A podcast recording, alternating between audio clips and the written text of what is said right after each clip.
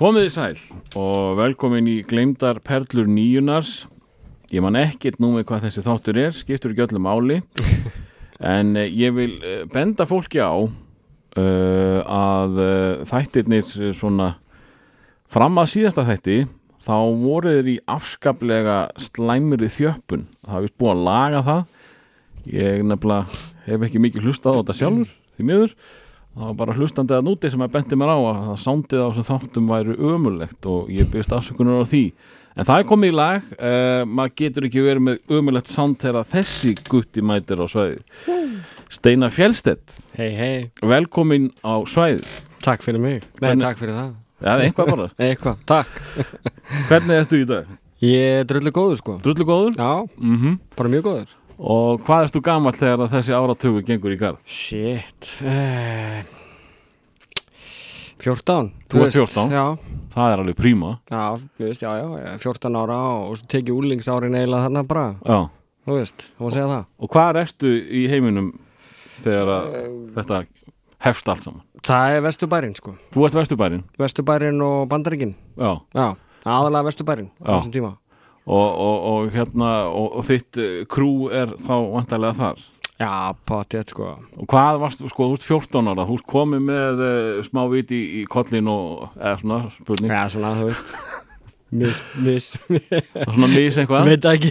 Eh, hvað, hvað, hvað eru me- þú og þínir að, sísla þú, þú ert búin að vera brettagóri það ekki alveg frá fyrstu tíð? Jú, jú Uh, sko, krúið, krúið í Vesturbænu var mjög tætt sko Mm. og samanstendur af miklum snillingum sko hverju voru þarna?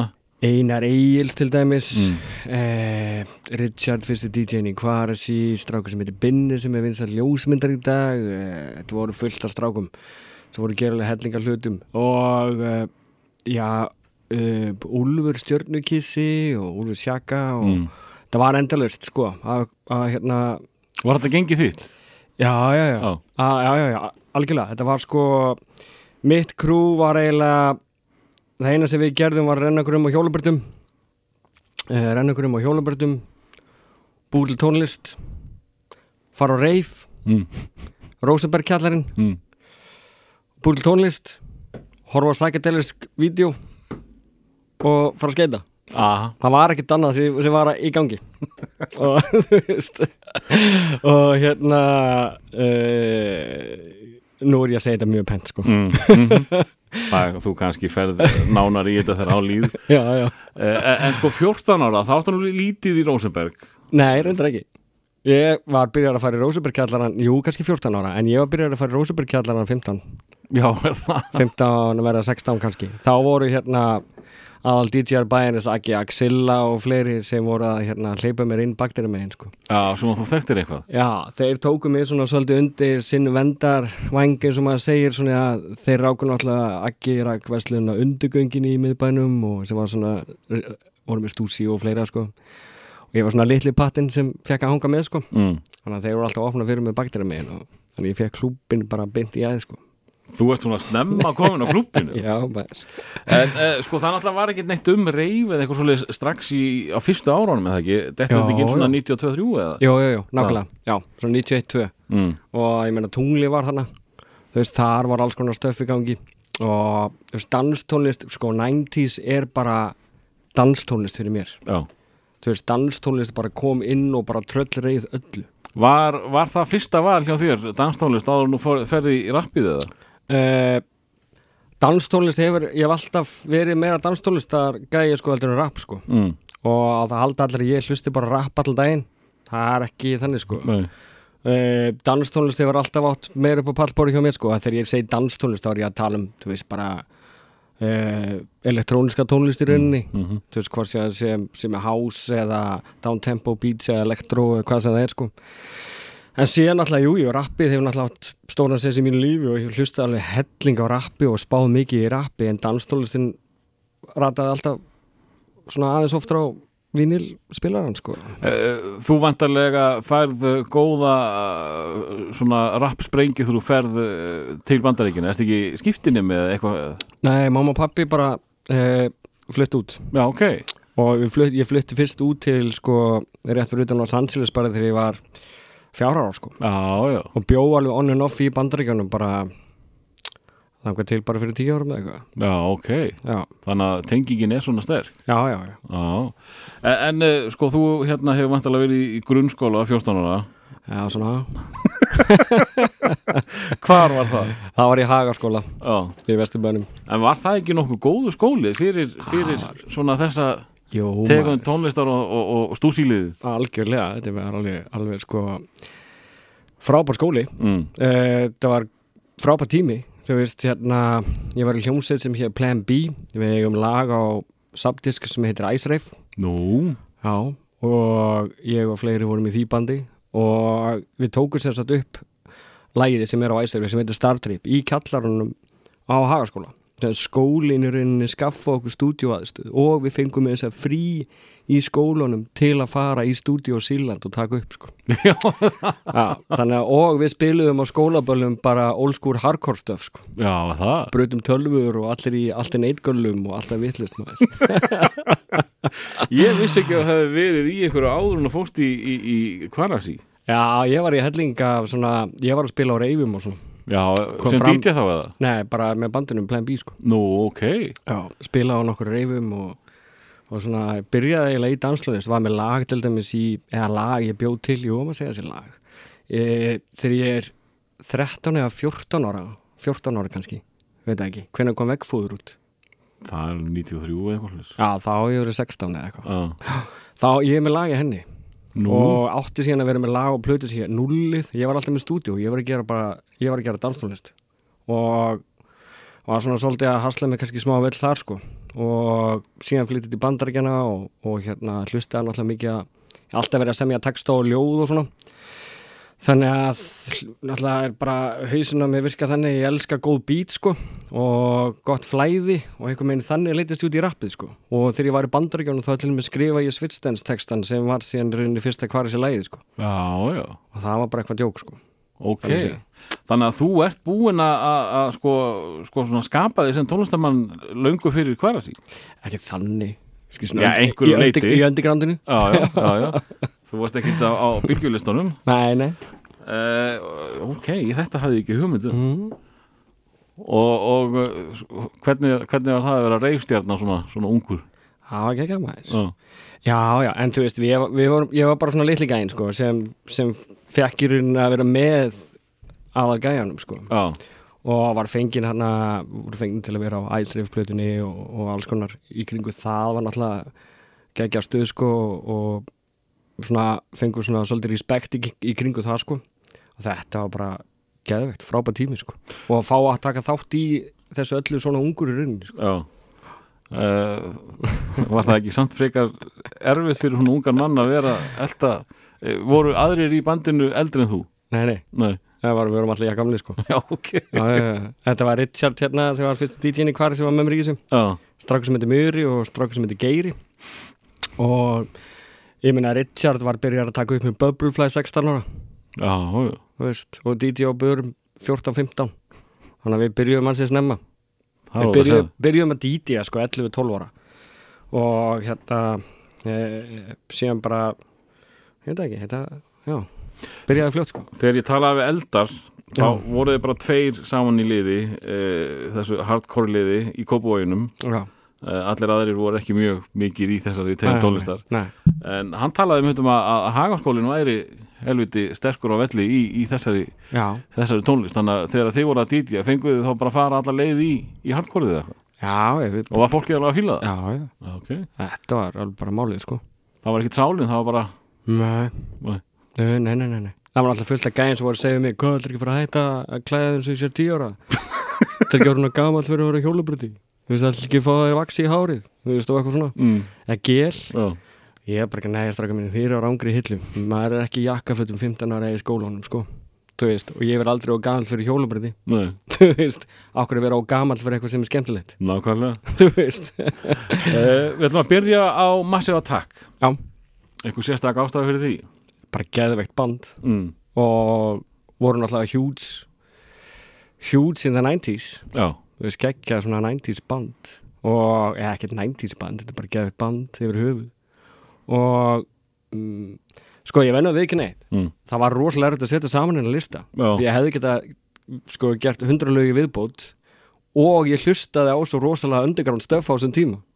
Uh, þannig að Já, til þess að þú fallir inn í þessa kríteríu að, að þetta hafi verið á lista. Já, þannig að það, það, það, mér varst það erfiðast. Ég hefði getað gert lista bara Hvað, hva, hvað hérna sko þá sem að komst ekki sem er ekki þó löglegt í þessa Hva, hvað, hvað varstu þá að vinna með? ég var að vinna með alls konar stöf maður bara eins og til dæmis Warp Records á sínum tíma. Mm. voru að gefa út allt þetta og Tech Redoubt og Afex Twin og, og hérna fyrstu plötu Boards of Canada og allt þetta stöf.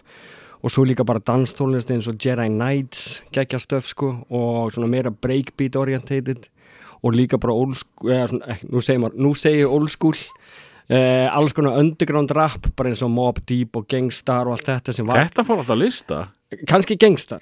Já, Og- dýp líka. Það? Já, Ég vissi ekki hvað ég mátti ka- ka- kafa djúft sko. Ég- En öll þessi lög á þessu lista eru samt sem aður alveg bara klóstum að hart og alveg geðveik sko. Mm Þannig að, já, ég, þessi listi er nokkuð góður sko. Nokkuð góður, byrjar vel alltaf. Já, hann byrjaði mjög vel. Fara í massíf Já, endilega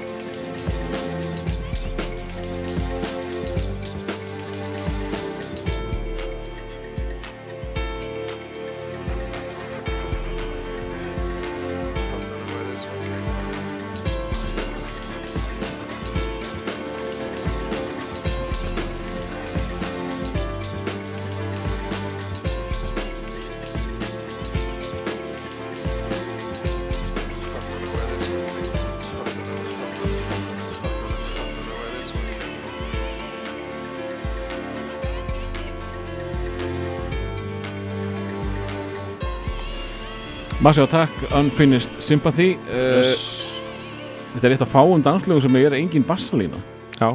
sem er mest alveg magnað. Mm en uh, við fáum þessa strengi og þetta beat sem eru gleitt besta beat bara sögunar Já, þetta er svona on-go, þetta stoppar ekkert. Nei, Þetta er ótrúlega cool sko. þetta er svolítið spes beat en maður hefur ekki heyrt margar reyna að stela þessu að fara í Nei. þessu. Það er rétt. Er geggjað. En uh, þú varst að segja mér aðeins af, af plan B hér meðan þetta lag hljómaði og, og þið voruð að koma fram sem sagt uh, bara ungir pungar á, á reyfum og þess að þar mm -hmm. Eh, en hvað, sko, mikið samplað það, er sampl-teknina að, trölluðu öllu eh, hvernig, hvernig spiluðu live? Hva, hvað voru það að gera? Uh, við notum forrið síðan Pro Tracker uh, sem voru bara svona tracker forrið svona sem við gafst ræðað upp sko Já. í rauninni og uh, sampler sem ég notaði þú veist þú gafst samplaði held ég þrjár sekundur en máli var að, að samplaði í 45 og hægja á því sko. Mm. þannig að náður inn lengri bút sko til að sampla. Þóttum var að 33 og settur í 45 og jafnvel maður fann að taka hann hraðan með puttunum sko, maður var hún frekar góður í því án þess að hann hundi rokka upp og niður sko í sándi Já, ok. Já, já, já. Og síðan var for þetta forrið til dæmis að þessum tíma bauð ekki upp á að hérna Er það ástæðan fyrir því að öll músíki var með svona high pitch röddum? potið sko. Allt samplaði 45 sko. Ok. Og síðan hérna já ég meina Gaspar samplaði þrjár sekundur og eitthvað en, en hérna þetta var svona svolítið að nota það sem maður átti á þeim tíma þú veist ég var með Amiga 500 sjónvarp bara, Pro Tracker forrit og sampler sko og, Mm. plö, og plötuspillara sem var maður bara að finna sömpla fullu í alls, alls konar vínilplötum sem pappi átti og hitt og þetta sko en trikki var að í þessu forriti Pro Tracker, það gafst ekki sem sagt lúpað aftur og bakk, ef þú varst með takt og vildi láta hann aftur og bakk mm. það var triks við því sko þú varst með plötuspilaran, tókst penna tókst henni sundur settir sem sagt uh, plasthólkin á pennanum sem sagt ón á hérna, delan hann í miðunni Mm. ón á það settir fullt af tíköllum ón á þingdina aftan á nálinni sneri nálinni við settir plötinu ón á pennan skilju og spilaðir vínilinn undir.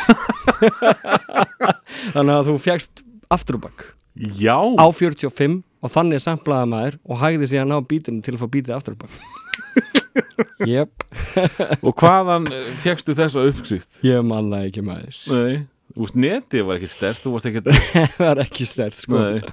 Nei, ég veit ekki, þetta var eitthvað, ég man ekki Þetta er ekki smá, uh, smá tilfæningar að ná sér í smá bút. Þetta er massa pæling.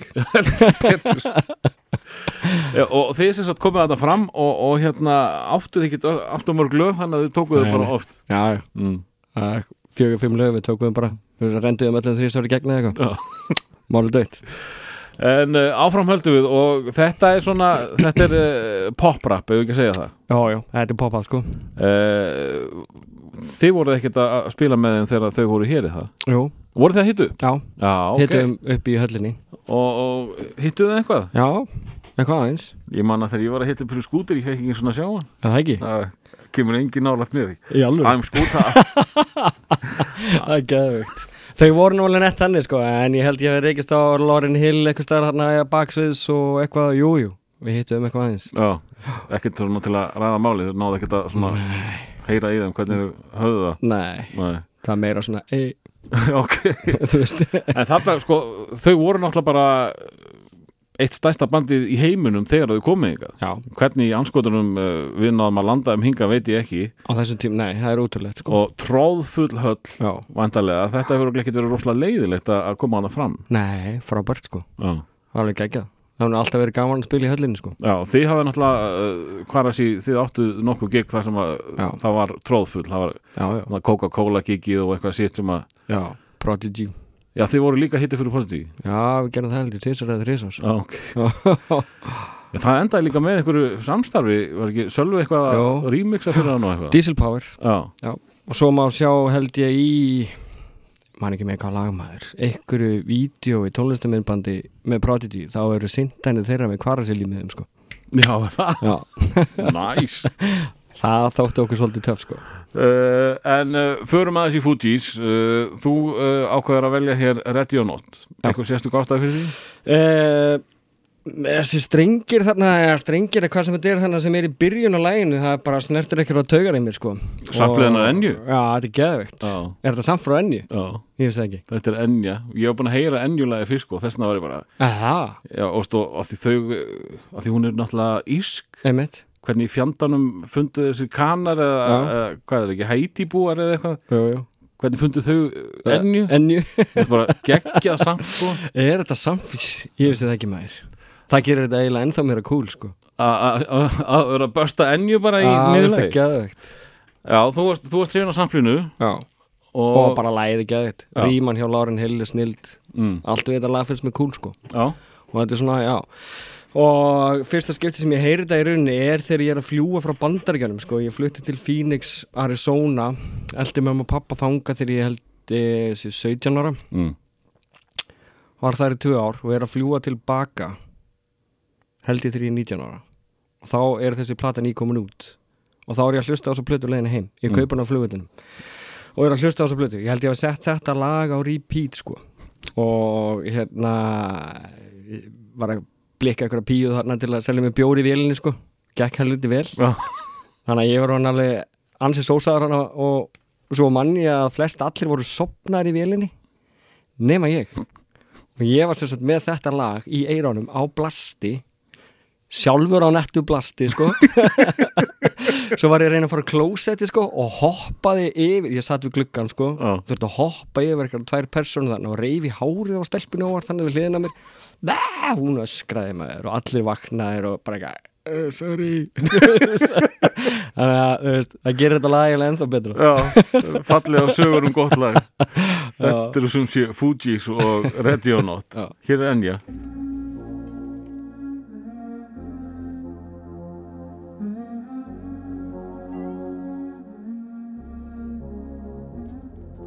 Ready or not, here I come. You can't hide. Gonna find you and take it slowly. Ready or not, here I come. You can't hide. Gonna find you and make you Yeah. want me. Now that I escape, sleep, walk awake. Yeah. Those who correlate know the world ain't kick. Jail bars ain't golden gates. Those who fake, they break. When they meet their 400 pound mate, if I could rule the world, everyone would have a gun in the ghetto, of course, when get the up and on their horse. Kick around drinking moonshine. I pour a sip on the concrete for the deceased, but no, don't weep. Why Clef's in a state of sleep, thinking about the robbery that I did last week. Money in the bag, banker look like a drag. I wanna play with pelicans from here to Baghdad. Gun blast, think fast, I think I'm hit. My girl pinched my hips to see if I still exist. I think not. I'll send a letter to my friends. A born again hooligan, only to be king again. Ready or not, here I come. You can't hide. Gonna find you and take it slowly. Ready or not, here I come.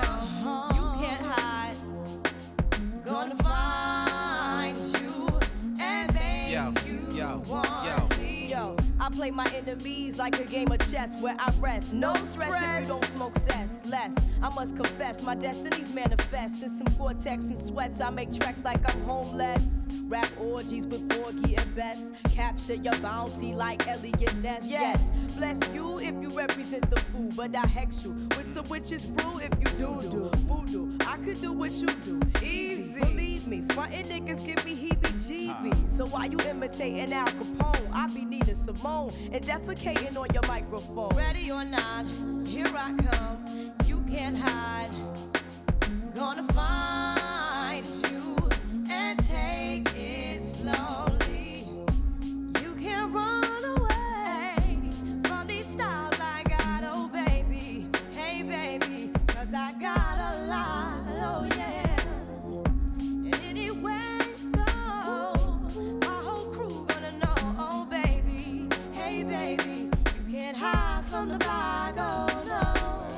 Ready or not, refugees taking over. The Buffalo Soldier, dreadlock roster. On the 12th hour, fly by in my bomber. Crews run for cover, now they under pushing up flowers. Super fly, true lies do or die. Toss me high, only puff fly with my crew from like high. I, refugee from Guantanamo Bay. Dance around the border like I'm Cassius Clay. Ready or not, here I come. You can't hide. Yo, nobody. Gonna find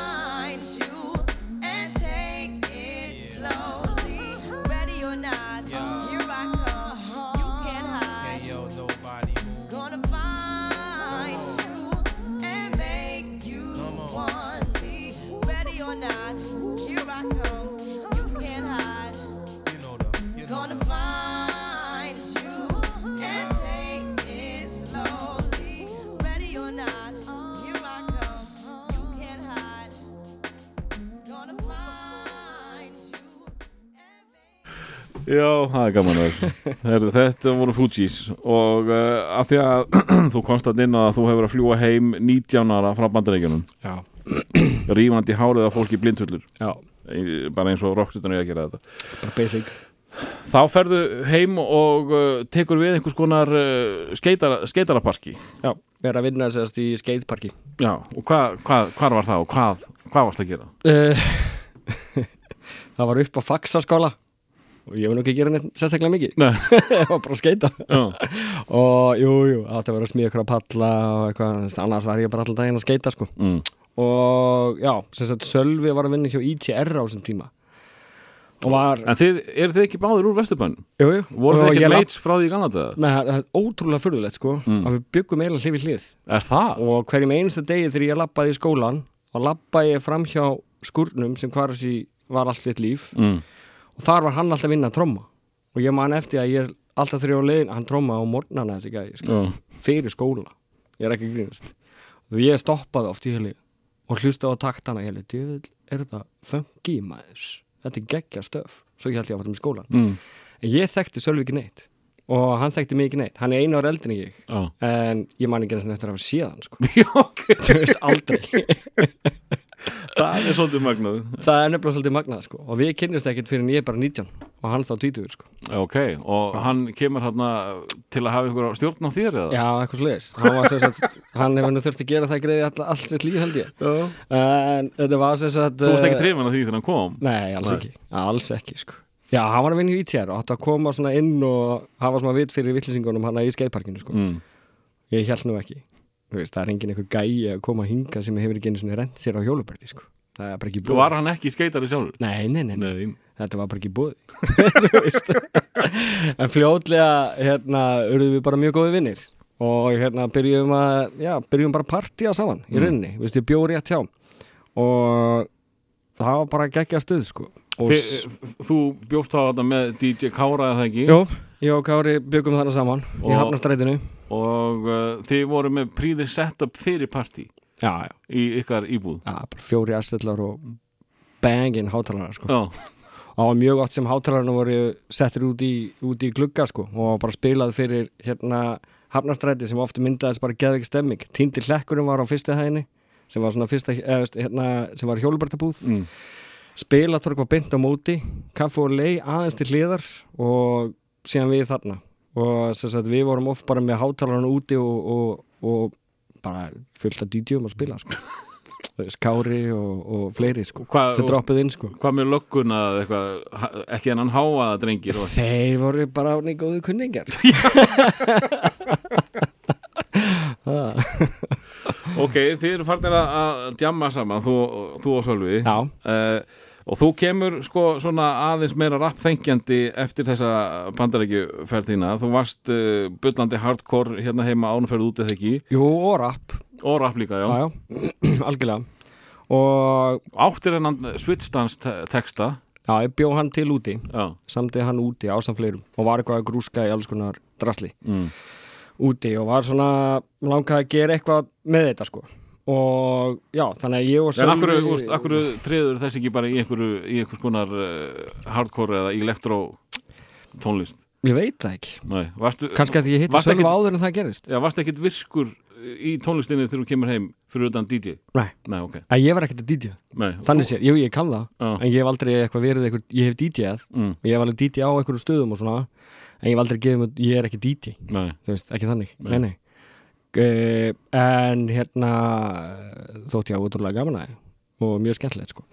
En já, þannig ég kem þarna heim 19 ára, byrja að vinna í þessu parki og ég og Sölvi eiginlega í eiginu partíinu förum að tala um hvað Íslands tónlist sökkar mm, á þessum tíma, mm. veist, bara ungir og, og, og fannst, og fannst, fannst flest allt í heiminum sökka. Veist, basic bara. Þannig að við ákveðum að hérna, byrjum að tala saman bara og Sölvi fyrir að tala um það að hann sé að búa til takta og ég var þá búin að þetta var eiginlega heilt sumar sem við vorum búin að vera að partíja, þetta var í ágúst sko. Mm, og voru búin að mata kon annan í rauninni bara af tónlist. Ég var búin að mata hann af alls konar rappi og hann var búin að mata mig alls konar stöfi og móti og, og alls konar dóti. Þannig að við þarna vorum við, við vorum komin í svona meðlega skemmtilegt, skemmtilegt stöf í gangi og sölvi. Og hann segir hei, kíktu til skúr. Ég held ég sé með geðveikan takt fyrir þig. Ég segi ok, ég er með texta svo bara daginn eftir þá kíkjum við út í skúr og við tökum upp Sitsens og það er bara ennþá sama taka og er notuð sko Það er bara að taka hann það er bara takan í skúrtum? Já. Já, ok. Uh, en varstu búin að vera að rappa eitthvað? Varstu honum vanur rappari? Uh, já, þannig sko, bara, ég, bara eh, einn inn á, í sturtu eða? neða, já, ég byrjaði að rappa örgulega þegar ég var svona 13 ára Mm. Og tek eiginlega upp mitt fyrsta rapplag bara þá sko, Já, ok. sem ég samti sjálfur sko og til að fá, sko, þá tek ég það upp á kassetu spila sagt, af, var með tvö kassetutæki mm. set kasset, spila af einu kassetutæki átti síðan síma sem var með svona speaker og ég tek upp á hitt kassetutækið með snúra milli samt sko til að fá gæðin Mm og rappa fyrir síðan annað sagt, og leiði headphone og er að rappa í gegnum síman til að fá distortion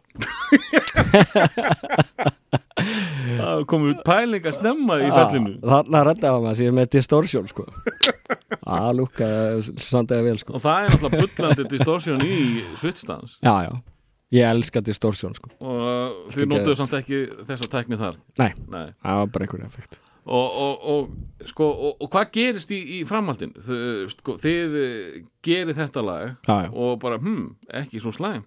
Not too shabby. þá þú sjá bei, Og þetta er miklu betur enn það íslenska drastlsmeirin í bóðið. já, besti í heimi Hva, og hvað, þú veist, hvenar ákveða að fara lengra með þetta? Nafni kemur frá þér, er það ekki? jú, ég var sagt kallaður kvarasi út í Phoenix Af hverju? Uh, það þýðir yfir náttúrulegt Ég veit ekki Jú, jú, ég veit okkur Ég var sem sagt að spreyja smá á þessum tíma Mm. og sem sagt hvar sé var reyni taknafni mitt Já, já. Ég notaði stundum bara Q og Q var sem sagt í formu svona eins og auga Mm. og síðan var hvar sé sem sagt, já, ég bara taknafni mitt sko, svona graffiti-nafni sko. Mm.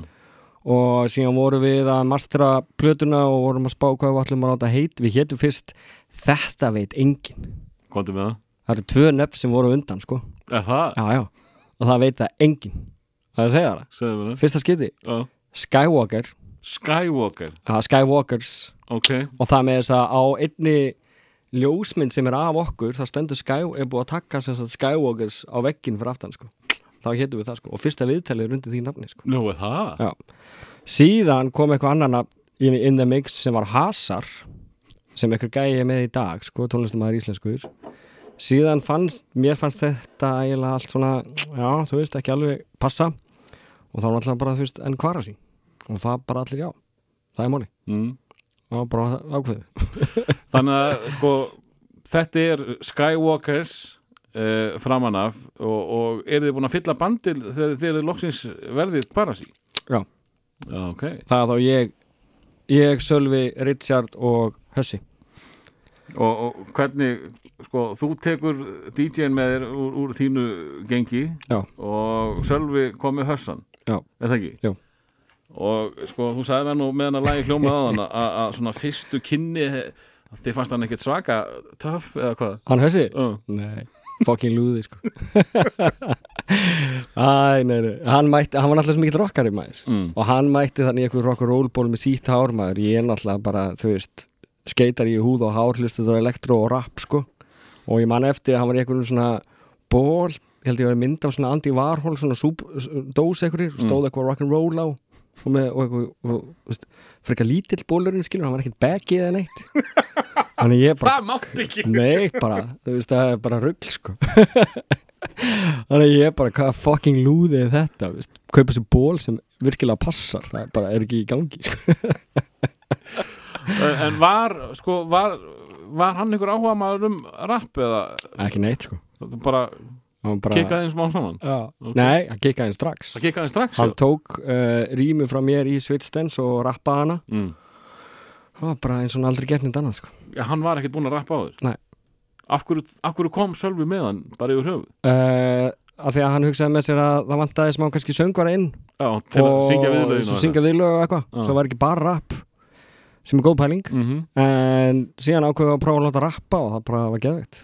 Og það var bara eins og hann aldrei gert neitt annað sko. Nákvæmlega. Uh, Þetta er magnað. Uh, og, og síðan náttúrulega við kannski kíkjum aðeins á, á er þessi síðar í þættinum. Mm. en það var þetta náttúrulega mjög ábyrjandi sveit hér heima á, á þessum áratu Mm. en uh, það kom tíma á næsta lag sem er ekki tengt er þessi neitt sko. Nei, nei, hvað þá hössa já, lúsir Tók Af hverju eru við með Beckin hérna? Hann er bara svo cool sko. Mm. Beck er einn af mínum uppáhalds tónlistamönnum ever bara. Já. Allar, allar plötunar hans geðveikar. Og þarna náttúrulega eh, sko, þetta er alveg ný tegund af svona samt tónlist. Já, þarna hann er að taka sko Þetta er svona indie hip-hop eitthvað bræðingur smá Beastie Boys influenced sample geðveiki sko. Mm -hmm. og bara höfða mjög mikið til mín. Og, og, og samt alveg bullandi svona redneck í þessu einhvers staðar. Já, mér finnst þetta alveg mjög skemmtilegt sko. Vídeóði frábært líka. Nákvæmlega. Ef við að kíkja á það? Já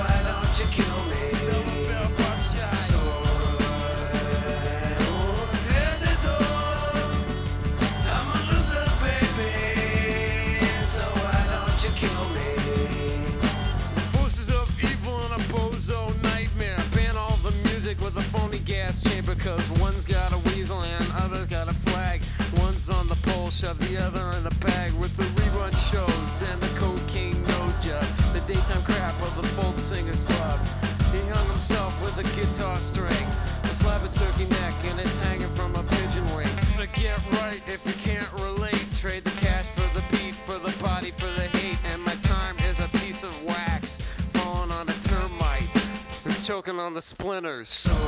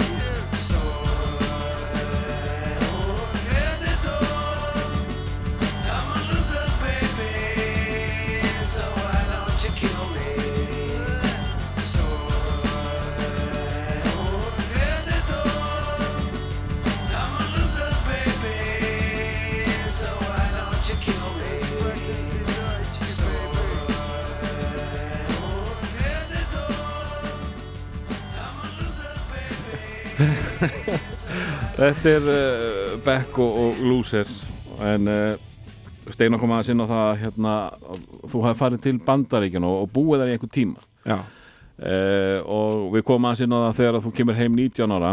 Mm en uh, hvað, þú ert tvö ára nútið eða hvað? Já. Og það er Phoenix já Arizona. Arizona. Og hvernig, hvernig var sá tíma? Því þú kemur hérna bara úr uh, grimmu reyfi með Plan B spilandi uh, á giggum þar hægri og vinstri. Mm uh, yfir til Phoenix þar sem að engin veit hvað hardcore er bara yfir höfuð Já. eða, eða hvað danstónlist er. Það, það hafði ekki heist danstónlist þannig að síðan disco og dó sko. Nei, nei. Það var bara eitthvað svona, nei, það var eiginlega ekkert í gangi sko Í þessu. Og hvað, hvað, hvað gerir þú að þetta plötu þetta þínar? Ég fór bara að skeita. Já, þú fórst bara að geta Já, ég Já. skeitaði bara alla daga alveg bara frá morgun til kvölds. Mm. gerði ekkert annað. Og var komin á nokkra samninga hjá einhverjum blúð, búðum þannig úti og farin að filma og eitthvað svona. Og planið var að verða uh, pro-skeitari sko. Já, ok. Hvar að sé heila fokkaði því upp? Já, þú varst orðin þetta góður. Já, já, Já. Já, já, já. Og, og þeir eru að fá, fara á samning hjá einhverjum búðum, eftir að bara fá föta, eftir að fá bara cash? Nei, nei, bara bretti og föt sko. Já, og var byrjar að keppa og svona. Mm. og já, var byrjar að taka þátt í einhverjum keppnum og eitthvað svona og gekk bara vel. Þú veist, vann ekkert, ég var alltaf í einhverjum svona top 5 eða top 10 já. Og sem tellist nokkuð gott sko. Þannig að já, það var bara all in að skeita. Uh, Hvernig var þetta skeitara samfélagi að núti? Gerðvikt alveg bara, uh, vantarlega öðruvísi heldur en hér? Já, já, sko hérna Hérna var það bara lækjatorkið, já, í rauninni sko. Ingolstorkið minnaði já. E, e, þetta er náttúrulega heiminn að hafa á milli sko, náttúrulega alltaf gott viður alltaf hægt að fara út. Geð, geð, geðveik aðstæða e, senan er mjög öflug og betri gæjar heldur en ég sem ég gæti skeita með og svona. Þannig að maður að- varð allt bara miklu miklu betri sko. Mm. miklu betri. Og já, þannig að en á þessum tíma hér á Íslandi var senan mjög góð sko. Já. og svona viss kjarni sem var alveg að skeita á fulli og virkilega góður sko En hvernig var tónlistin að núti í skeit samfélaginu? það var bara rap Það var bara plain rap, á, var ekki rock einu sinni e, á þessu tíma var rosalega mikið rap Já, já. og hvaða rap þá? þarna hlustaði ég mikið á Hieroglyphics Crew Mm. sem er til dæmis eins og Dale the Funky Homo Sapien, Farsight, Souls of Mischief allt þetta stöf uh, var ég að hlusta mjög mikið á og þarna gæti maður líka bara fara á tónleika Já, nákvæmlega þarna fór ég á tónleika með of Mischief, Dale the Funky Homo Sapien og öllu þessu liði mm. og bara á okkur litlum klúbum sko. þarna fekk maður eiginlega bara senuna beint í aði sko. Nákvæmlega og já, Þarna náttúrulega styrtist þú vantarlega í þessum uh, rap heimum já, algjörlega og þarna byrjaði ég að semja texta miklu, miklu, miklu meira heldur en ég hafði gert eitthvað tíman hér sko. uh, Var þetta einhver þörf eða, eða varstu með eitthvað plan í gangi? Ég ætla að, að rappa uh, það var ekkert plan Nei en það var alltaf eitthvað meira en þannig bara, mm. já, án þess að spáði og já, en síðan þegar ég kem heim sko til Íslands, þarna 19 ára þá byrja ég að rappa á alls konar viðburðum og klubbum og rappa yfir DJ og Já. í tunglinu og undan einhverjum böndum og með einhverjum takta og eitthvað svona dæmi sko. Þannig að ég var svona sem ég byrjaði að rappa áður en Svistans kom út sko, já. Þannig að já ég veit ekki. En uh, sko, þú komst aðeins inn á það hérna meðan að lagi hljómaði að þú hafi búið einhver tíma uh, á stað þar sem að uh, þú varst ekki the only gay in the village. Þú varst eini kvítikun Já, maður er að segja það sko, það var allavega, já allir skeitarnir sem ég var að skeita með byggu í öðru hverfi mm. og voru svona 99% hvítir sko. En ég bjó í þess að hverfi sem var svolítið frá Mm. öllum öðrum sem ég var að skeita með á daginn ég skeita á ég hefði skeita á daginn með þeim hóp og síðan að kvöldin var ég að chilla í mínu hverju og það voru bara Mexikanar sko. að- og flest allir í klíkum og allir flúrar, og andlitinu og allir með svona sokka á hausnum stórum dikkisbuxum og nækskum og allir talandi spænsku reykjandi PCP sko. eins og menn gera bara Já, stelandi bílum og allt snar geðveikt sko. og, og, og, og varstu sko, varstu vinuð þeirra eða Já, varstu bara að það Nei, ég var vinnu þeirra og hvernig, hvernig var að hanga með svona gengi Það var ofta alveg crazy sko.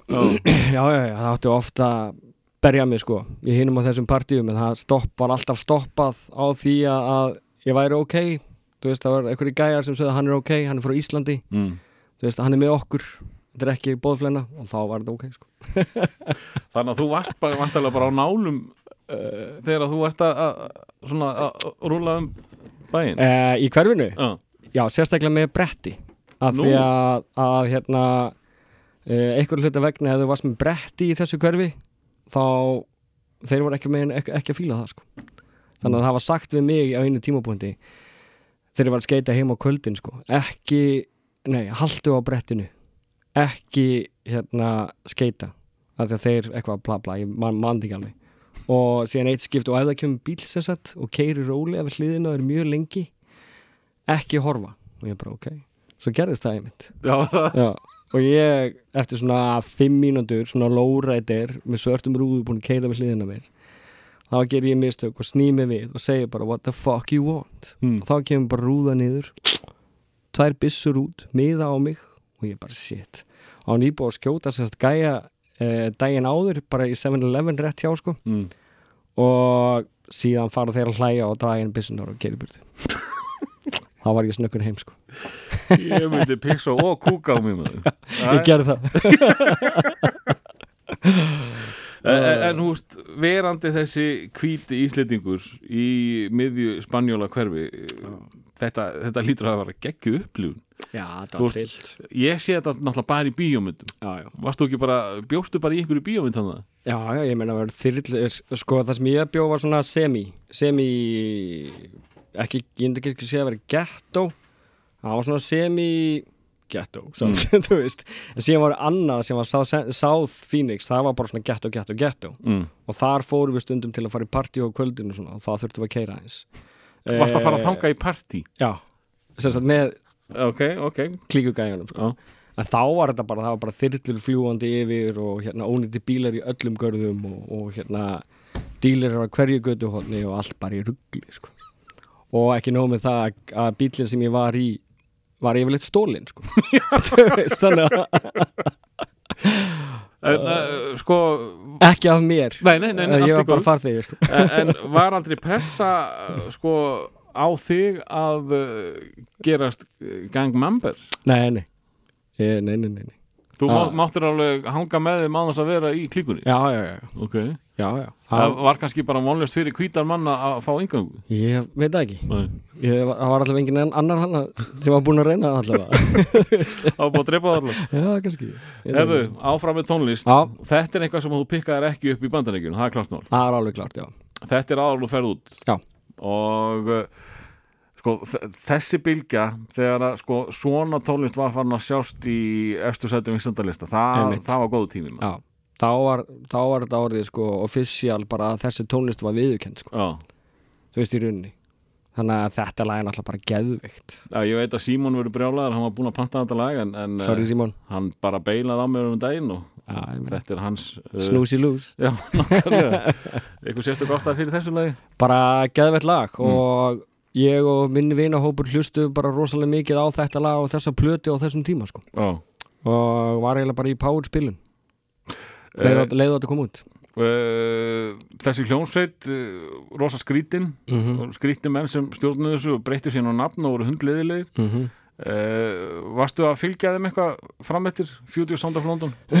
Já, ég hlustaði alveg hellinga á þetta þótt að 80% af stöfinu fannst mér leðilegt sko. þeir eiga alveg geðveik lögin á milli. Já, og ég meina já, ég meina þeir hafa gert alveg geggjaða hluti en þetta verður ekki topa þeir Nei. uh, kom ekki til með að gera betra lag en þetta. Ekki séns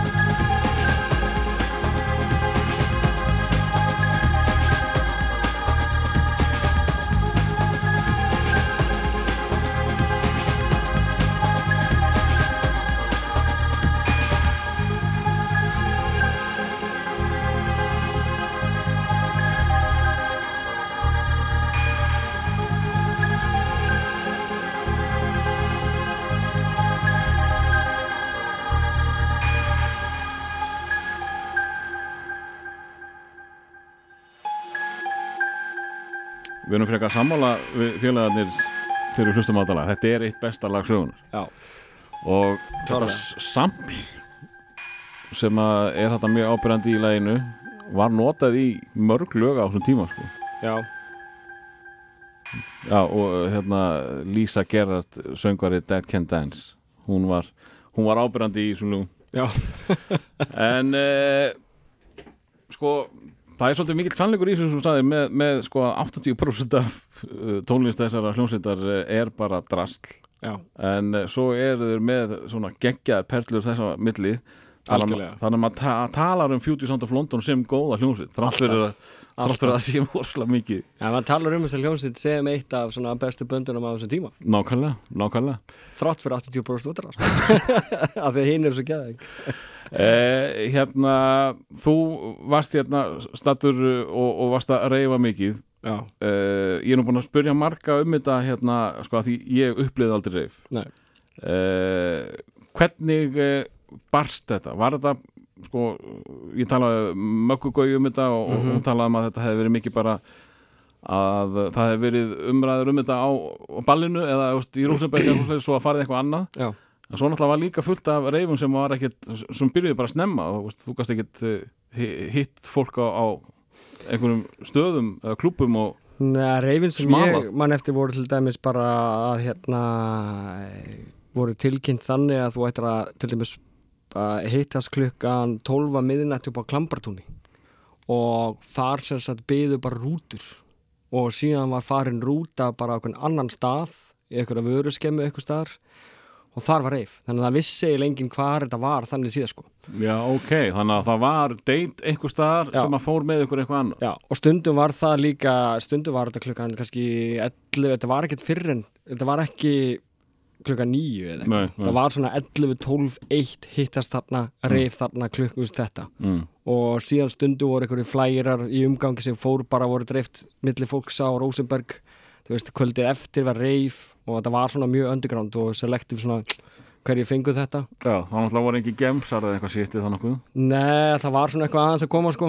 En, en númera, hvað hétt það? Bieber, Bíbelni já, já. Var, var til eitthvað 900 rave eða? Nei, Nei. ég man ekki eftir því sko. Það var 911 ef mann að vanta að bút. Já, En hérna Já, þetta var svona svolítið hérna Alltaf underground sko. En, en sko, sá sem að heldur reifið mm hann eh, sko tekur alltaf ábyrða á, á draslinu. Já, hann er handtekinn. Í og, og græjutar hans eru gerðar upptækar. Já, já. Eh, þannig að sko miðaði sjansana sem hann er að taka þá hlýtur að hafa kostað bærilegt á þetta?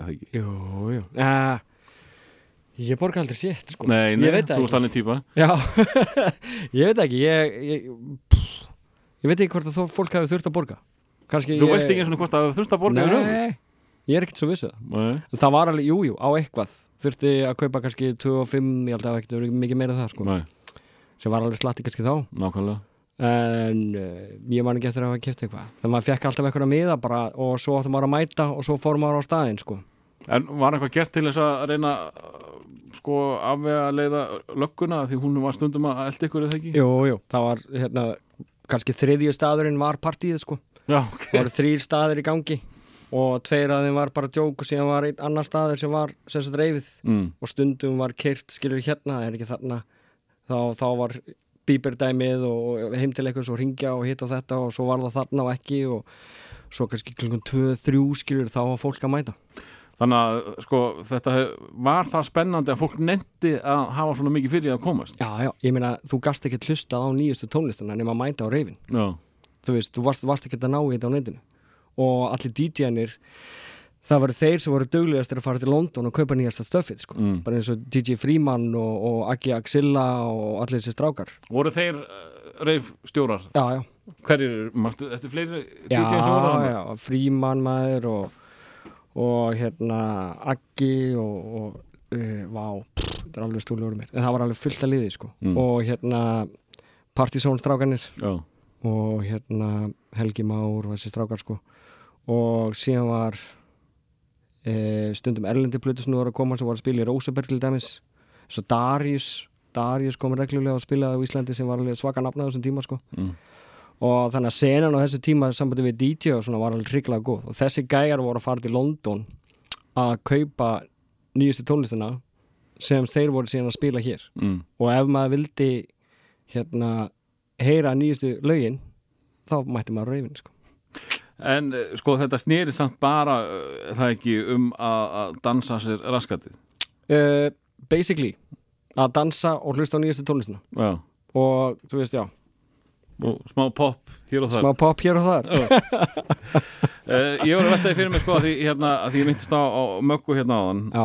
hún, uh, hún djammaði feitt á tímabili. Þá hún hún sagði bara að ég nennus ekki ég stinga til uh, Argentínu. Uh, Var það svipað með þig þegar þú stakst af til bandarækjana? eiginlega, Já, sko, jammið var orðið rosalega mikið mm. á þessum tíma e, pff, já, ég meina þú veist, ég er bara mjög fegin að hafa farið út á þessum tíma, sko, af því að jammið var orðið bara mjög mikið, sko.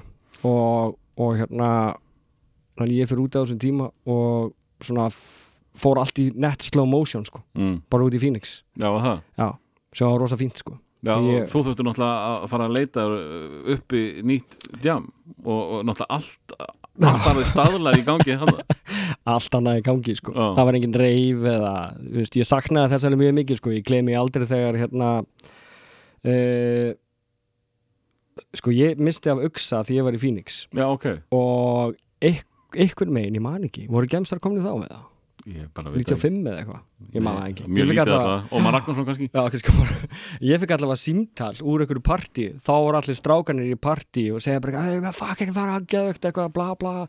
Skildi ekki helmingin sko. Og ég bara, já ok, góða skemmtun. Þú veist, ég er bara í Phoenix maður og eitthvað og skellti á, þá langaði mér að vera heima sko, Já, þú veist, þetta var alveg já já, veist, ég saknaði alveg mér langaði, þessi tími var alveg ótrúlega skemmtilegur en það var líka ótrúlega fínt að komast aðeins í burtu sko, Mm. því að þetta var orðið bara svolítið mikið sko, mm. á þessu tíma uh, En þegar þetta núti Já, Úst, uh, þú mátt ekki drekka fyrir 21 eða ekki já, já, uh, og, úst, hvað með skemmtist það? Þú kemstu inn á það? nei, nei Hvernig, varstu þá bara að fara í partí í, ykkurum já. með fullt af brjálæðingum Já. með tattu á maðunum? Já, bara drekka 40 og reykja gras og fara í partí í einhvern ghetto Basic Fórstu ekki, þú veist, var engi, þú þú náttúrulega fórst á tónleika Já, já, en uh, svona einhverjur klúpar dansa nei, ekkert sko ekkert svo Nei. Veistu hvað var í gangi? eh, á Það voru klúbbum? alveg, það voru alveg það voru alveg svona uh, klubba DJ menning í Phoenix en Mm. það var bara svona það var svona meiri danstólist sem ég var kannski ekkert að tengja við, ég myndi flokka meira svona sem eitthvað gabbatrans eða eitthvað mm. Svona svolítið transu, trönsu tónlist Ok, uh, ég man ekki hvað henn heitir DJ Sasha eða eitthvað og eitthvað svona, svona aðeins, mér fannst það allt Svona bara meira, meira poppað. Já, meira Já. commercial sko. Já, ég var ekki alveg að tengja við það, mér fannst það aðeins svo gælt fyrir mig sko. Nákvæmlega. Og svo voru alveg búðir að úti sem voru að selja svona vínil og eitthvað, sko reifmenningin í bandarækjum hefur alltaf verið bara svona allt öðruvísi heldur en í Evrópu, sko bara svona glow sticks og svona rosaleg svona reif-föt eitthvað megin, mm.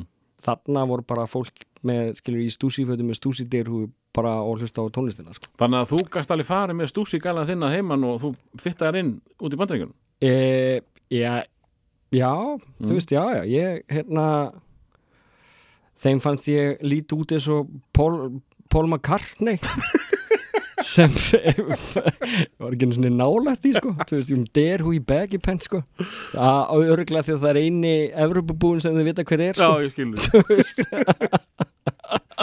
þannig að ég alveg, já, ok. Mm, ok, En, en eh, sko þessi reifmenning, hún sprakk nú eitthvað út í bandaríkjunum uh, svona early 2000 uh, sko Miami og eitthvað já, svona. já, emitt þó að tónlistin hafi nú orðið ekki, ekki rosalega merkilega en, en þessi stemming held ég hafi Já. verið eitthvað svipuð. Þá var þetta búið hér sko, þá var þetta búið hérna. Já, þetta var bara búið frekar hvernig, var já, já þetta ekki búið bara sko. þegar þú stingur af? Jú, Ó. þá var svona reifmenningin að hallundi að síðast sko. og, og, og, og löggan orðin betri að nappi ykkur já, það já, jú, jú. En hvernig, hvern, veistu hvernig menn voru að velja þessi hús? Var það Siki Frendi sem átti þetta eða voru menn að brjótast inn í þetta eða? Það var allir gangur á þessum aðeins. Þetta var, uh, það var stundum reif upp á höfða. Það var bara, bara hérna svona bílavestæði mm. sem var hliðra til í. Uh, ég man að það var svona bátur inn í því og DJ búri var sérst upp í bátnum. Okay. og sérst SL-larnir voru setti sérst á borð þar og þeir sem voru að spila voru sérst í bátnum. Það var mjög cool sko. Og svo Mm. var bara, þetta var bara verstaði sko. Ó, síðan var eitt uh, hérna vestur í bæ. Alltaf hafi verið híðinshúsi eða eitthvað, ég man það ekki. Það var allavega á svipum slóðum sko. þar var eitthvað reif sem ég spilaði eitthvað tíman á. Og þannig að það var svona viðsveður um bæinn sko.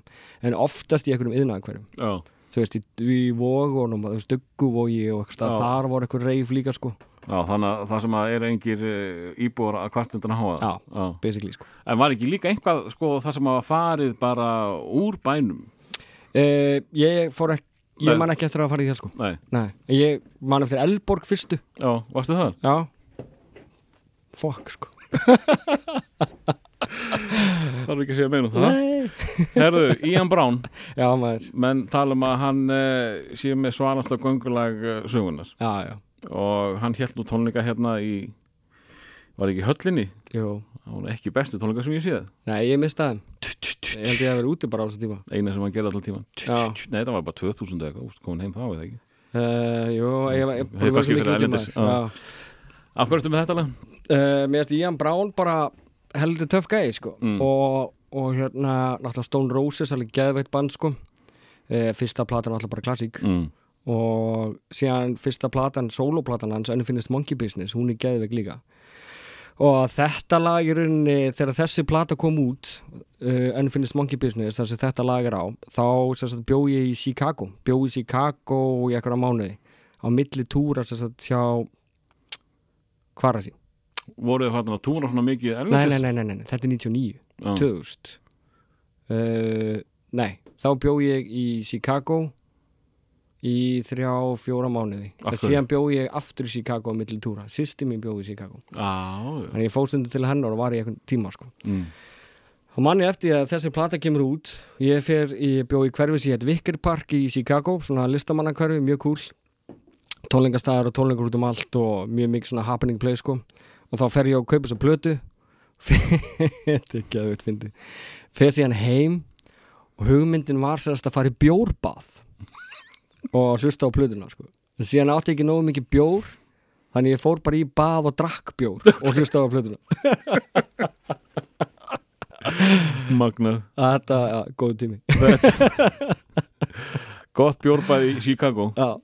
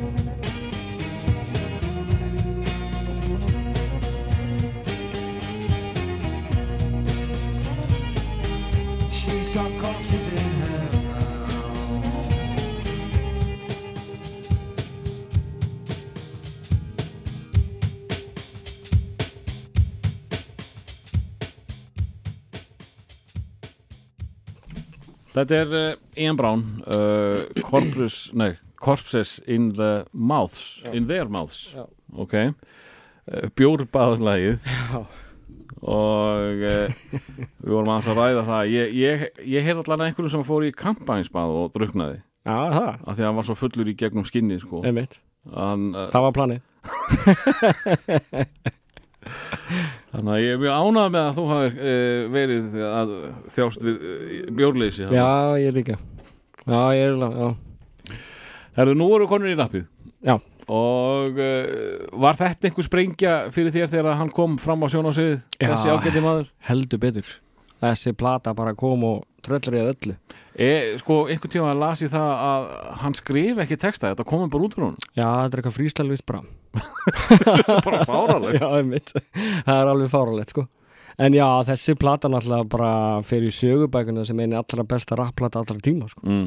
Hvað er Og- svona merkilegt við þetta? Uh, Alltaf sé ekki attitútið textanir og svo náttúrulega bara dreymi taktana, sko. Já, og náttúrulega stíllinn á, á rappinans var svolítið öðruvísi. Já, hann hann var svo latasti rappar í heimi Alveg, hann þú veist, rennur ekki blóði í þessum gæja, sko. Þetta er hann líka alltaf Já, í öðrum efnum en margir aðri jú, jú.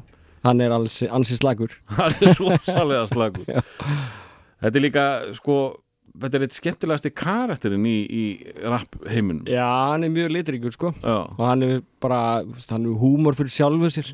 Þú veist, ég held að sé ekki að taka neinu of alvarlega, sko. Nákvæmlega. En uh, þegar hann kemur hann fram á sjónasvið ég, ég held ég hafi uh, heist bara hann hérna pródúsirinn, þú varst að nefna uh, Dre, Drey Dr. Dre. Að hann hefði verið bara með tilbúnar sko heilu lögin að rapplínur. Já. Bara hérna, fó bara inn fett taktana Já. og bara quiz bam bara komið. og svo bara komið. Þessi, hann, það er vist sko hann, já, þetta, er allt tekið upp bara okkur um tveim dögum sko. Þessi plata, já, þessi drappið hans. Ok. Heyrði ég, ég þór ekki að fara alveg með það en hérna, maður hefur heyrt alls konar dæmi sko, en, en uh, já, ég meina þessi plata, hún bara er geðveik sko. En þarna ert þú, uh, hvað, 16 eða eitthvað svo leiðis? nei, þessi aðeins, ég veit ekki Er þetta ekki, er þetta ekki 93-4? manna ekki maður jú, allir það ekki Uh, þú, ert- þú ert allan ekkert komin in the rap game þarna.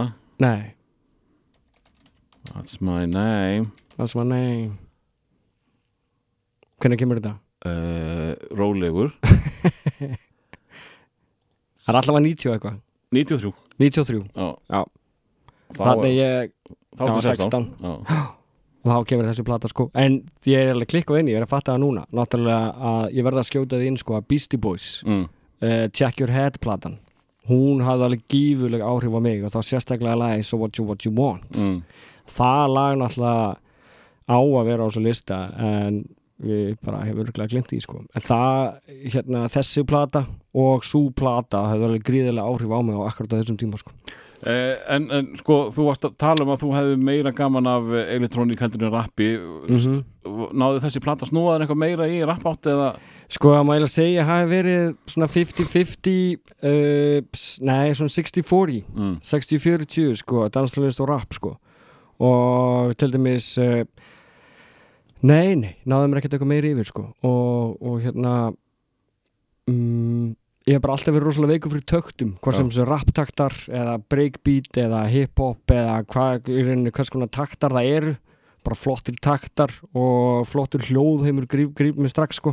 Þá er svolítið hissa á því að sjá ekkert trip-hop hjá þér.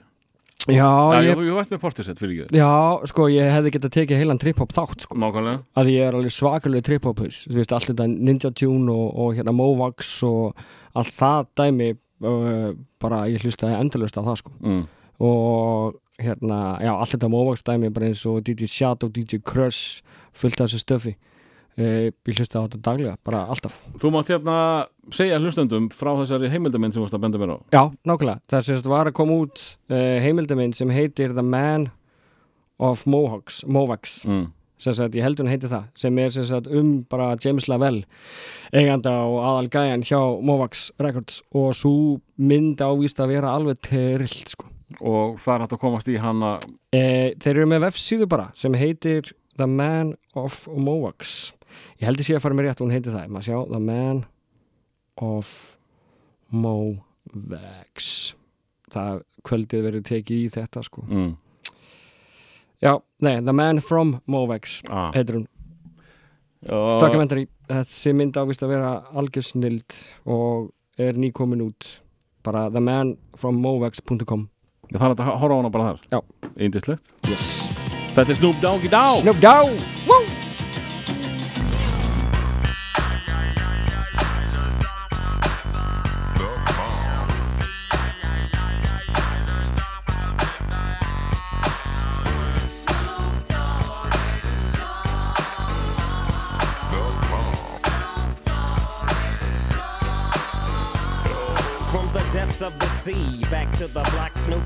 Dog, funky, yes, the, the, the doc went solo on that ass, but it's still the same. Long Beach is the spot where I serve my cane. Follow me, follow me, follow me, follow me, but don't lose your grip. Nine tris ain't the years there for me to fuck up shit. So I ain't holding nothing back, and motherfucker, I got five on the 20 sack. It's like that, and as a matter of fact, cause I never hesitate to put a nigga on his back. Yeah, so keep out the manuscript. You see that it's a must we drop gangsta What's my motherfucking name?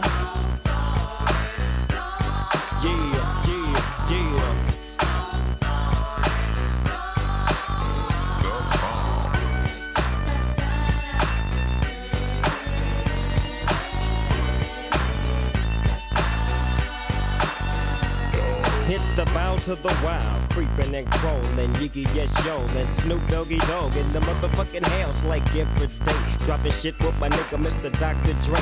Like I said, niggas can't fuck with this. And niggas can't fuck with that shit that I drop, cause you know it don't stop. Mr. 187 on the motherfucking top. Tick tock, now with a Glock, just some nuts in the cock.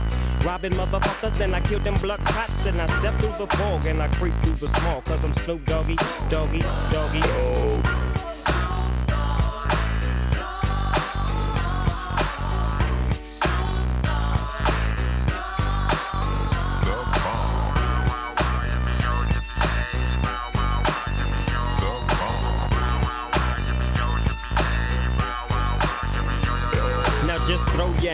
in the motherfucking air and wave the motherfuckers like you just don't care. Yeah, roll up the dank and pour the drink and watch you stink. Cause doggies on the gang.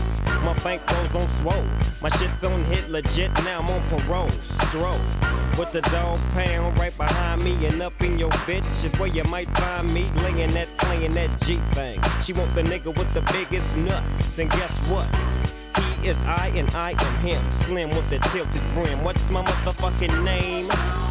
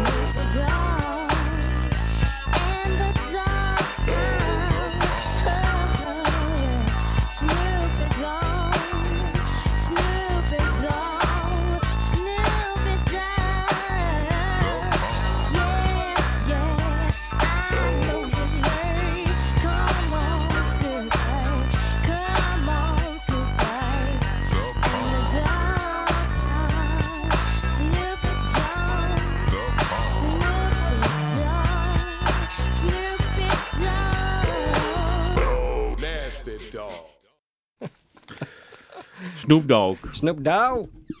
In a uh, motherfucking hizzle Hefur þú reynd að fara í, í, í nærbúksunar hans?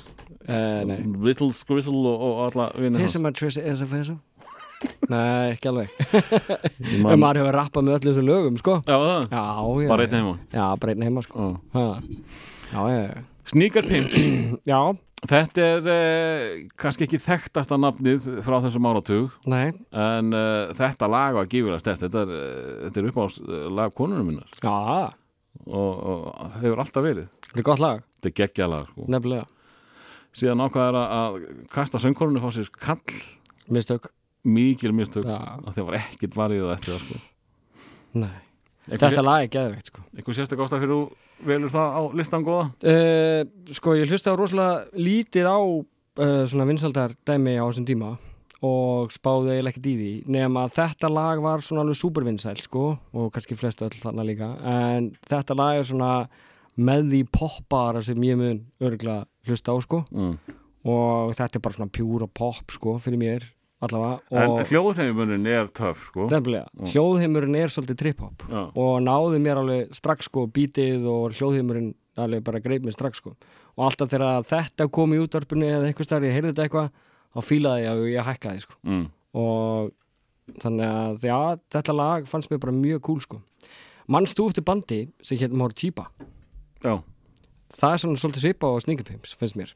Ég hlustaði svolítið á Mór Típa á þessum tíma líka já, sko þetta lag stendur svo eitt og sér frá nefnilega. restin var ekki, ekki góð sko. Nei, Motiba átti ekki jafn gott lag en átti fleiri Já, nákvæmlega já. það er alveg mjög góð skýring sko. einmitt. ég hlustaði á Mór Típa á þessum tíma alveg, alveg helling sko og ja, allavega eina plötu En þetta lag, ég held ég aldrei keft með plötu með Sningapims en eitthvað, en þetta lag er cool sko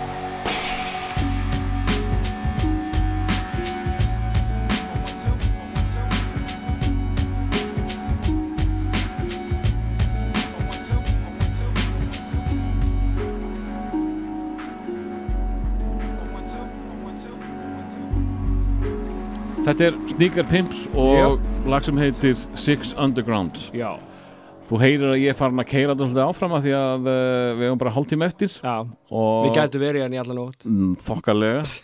Þokkalega með sögurnar sem varst farin að káa aðeins á hann en þú ætlar að segja mér aðeins meira hér og eftir. Látt ykkur já. uh, en keira okkur bara áfram í uh, næsta lag? Já. hvað eru við að tala um hér?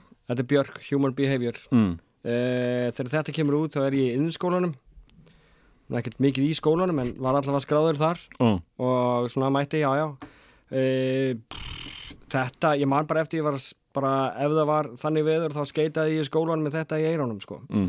og hérna var eitthvað listnámsbraut eða eitthvað, það var eitthvað það gaufa þarna bara sko og ég veit að ég var svo já, þú veist, ég var yfirleitt með lópahúi með dusk svona old school pumaskóm og dikkisböksum með bretti og þá var sko, það var, það var ekkert normið á þessum tíma að vera í, veist, í mentaskóla þannig. Mm. það er allavega ekki í innskólanum sko. Og þannig að ég hérna já, en þetta var frábært. Þessi, þessi plata alveg bara greip mig alveg hefi sko. Og ég hafði hann alveg bara mjög ofta í eyrunum. Ásamt rýmisplötinu sem við vorum að tala um með Sigurmóna Já, byrju, hún uh, is, heitir is this it, eða Eh, this is it. It's It. Já, it's it. Já. það er alveg bara geggjur rýmix þar Sérstaklega hérna Justin Robertson remixaða Birthday já, Ég nefnilega. elska það síð sko. já, það er alveg, alveg geðveik lögana sko uh, en, en hérna sko s- á hvaða stalli voru skeitarar? Voru þið töff eða voru þið korni eða við höfum alltaf verið töff alltaf verið töff? já Hvað með Eh, með gamla fólki? Hvað, hvað er þú að gera þess að hérna? Láttu Eh, já, ég passa meina, bílum minn Já, já, já, vá maður uh, Vist ekki hvað oft ég hef verið handikinn sko Vá uh, fyrir, vorum- fyrir skeit þá eða? Já, já, já, daglega sko. Það var, það var að banna það? ég, Það var allavega að tekið með brettið uh, oft í viku og fóruldra mínu þurfti að sækja nýr á lauruglustöð sko. Bara fyrir að vera, ég held á því að það var að renna mér sko. Og, Ekki fyrir að vorst að halda á því það? Jú, jú, bara ég sat einu sinni nýr á torgi sko og þá kemur einhver gæi hlaupa dæmur og segir ég hafi verið að keira niður fólk sem ég var ekki sko og þetta var bara normið og bara hafa lítið hortnögu á okkur sko. Þannig að þeir voru sem í glæpamenn bara að Já, það var bara algjörði átkæst og þú voru nú ekki til að hata það. Nei, það var fínt. Heyrum hér Björn. Já, gegja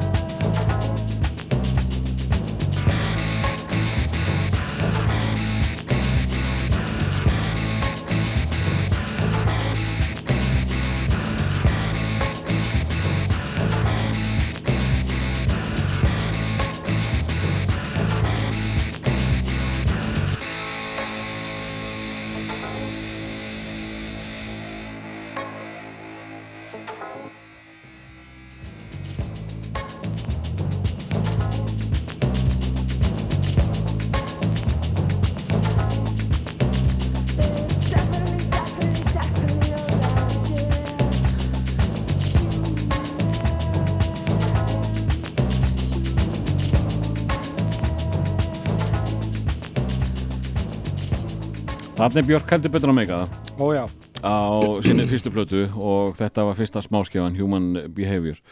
Uh, og uh, sko seint á þessum áratug þá, þá er kvarasíðin heldur betur að, meika það. Uh, ég man þegar ég, þegar ég, sko ég var á Exunni þegar, þegar Dance kom. Já.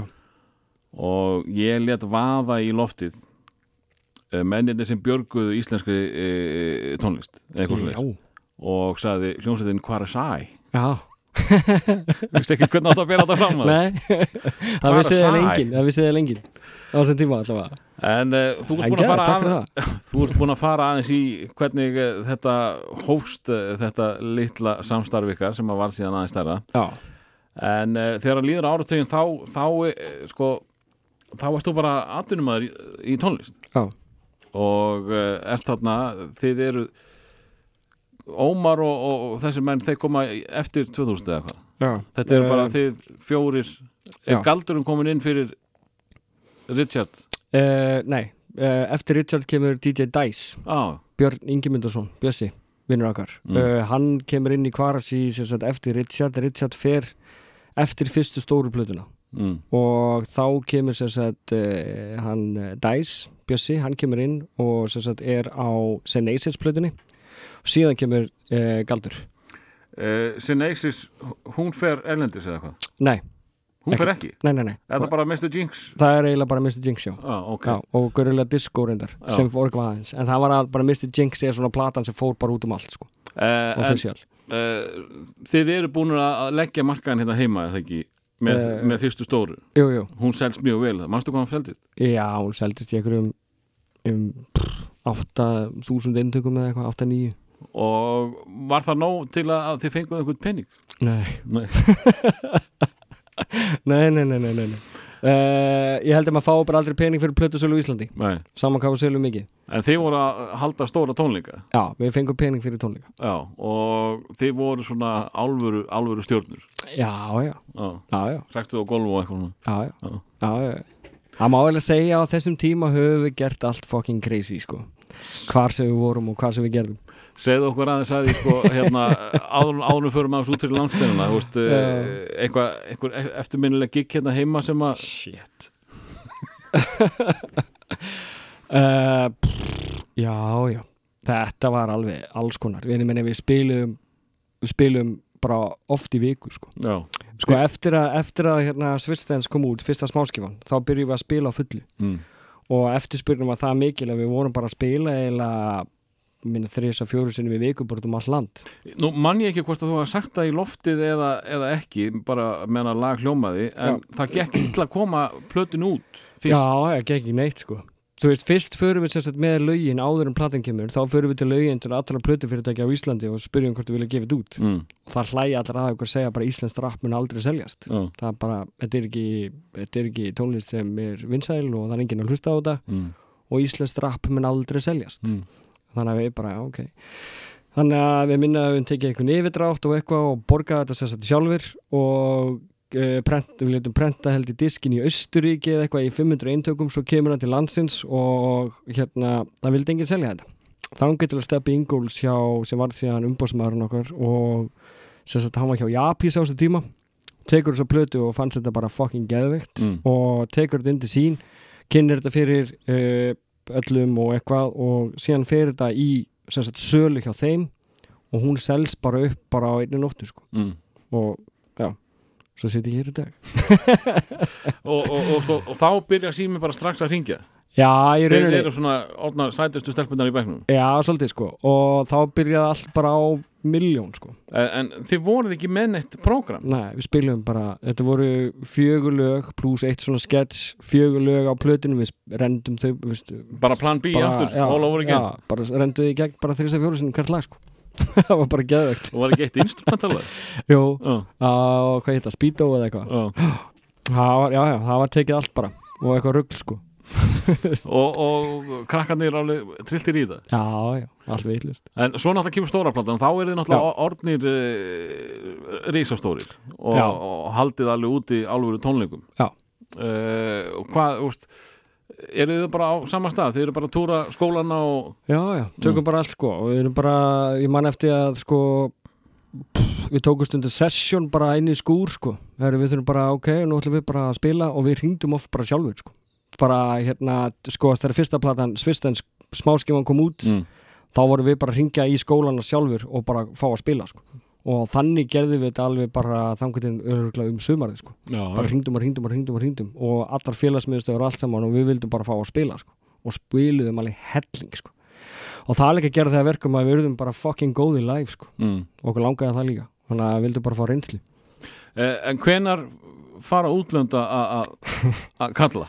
uh, sko, það er öruglega svona 99 98 Hvenar kemur fyrsta stóra platan út?